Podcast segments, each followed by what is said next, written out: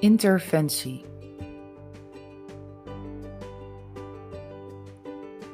Vandaag begon mijn nieuw bestaan.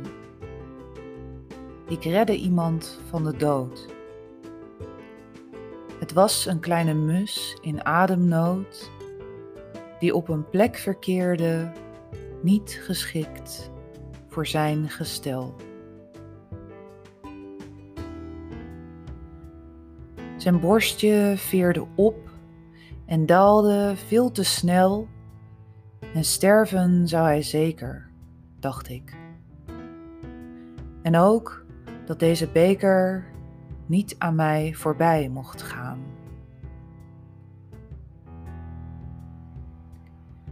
Ik nam zijn tere lichaam in mijn gekomde hand. Hij kon zich niet verweren en snelde naar de plaats van waar hij vliegen zou. Naar schaduwrijke aarde en koeler struikgewas.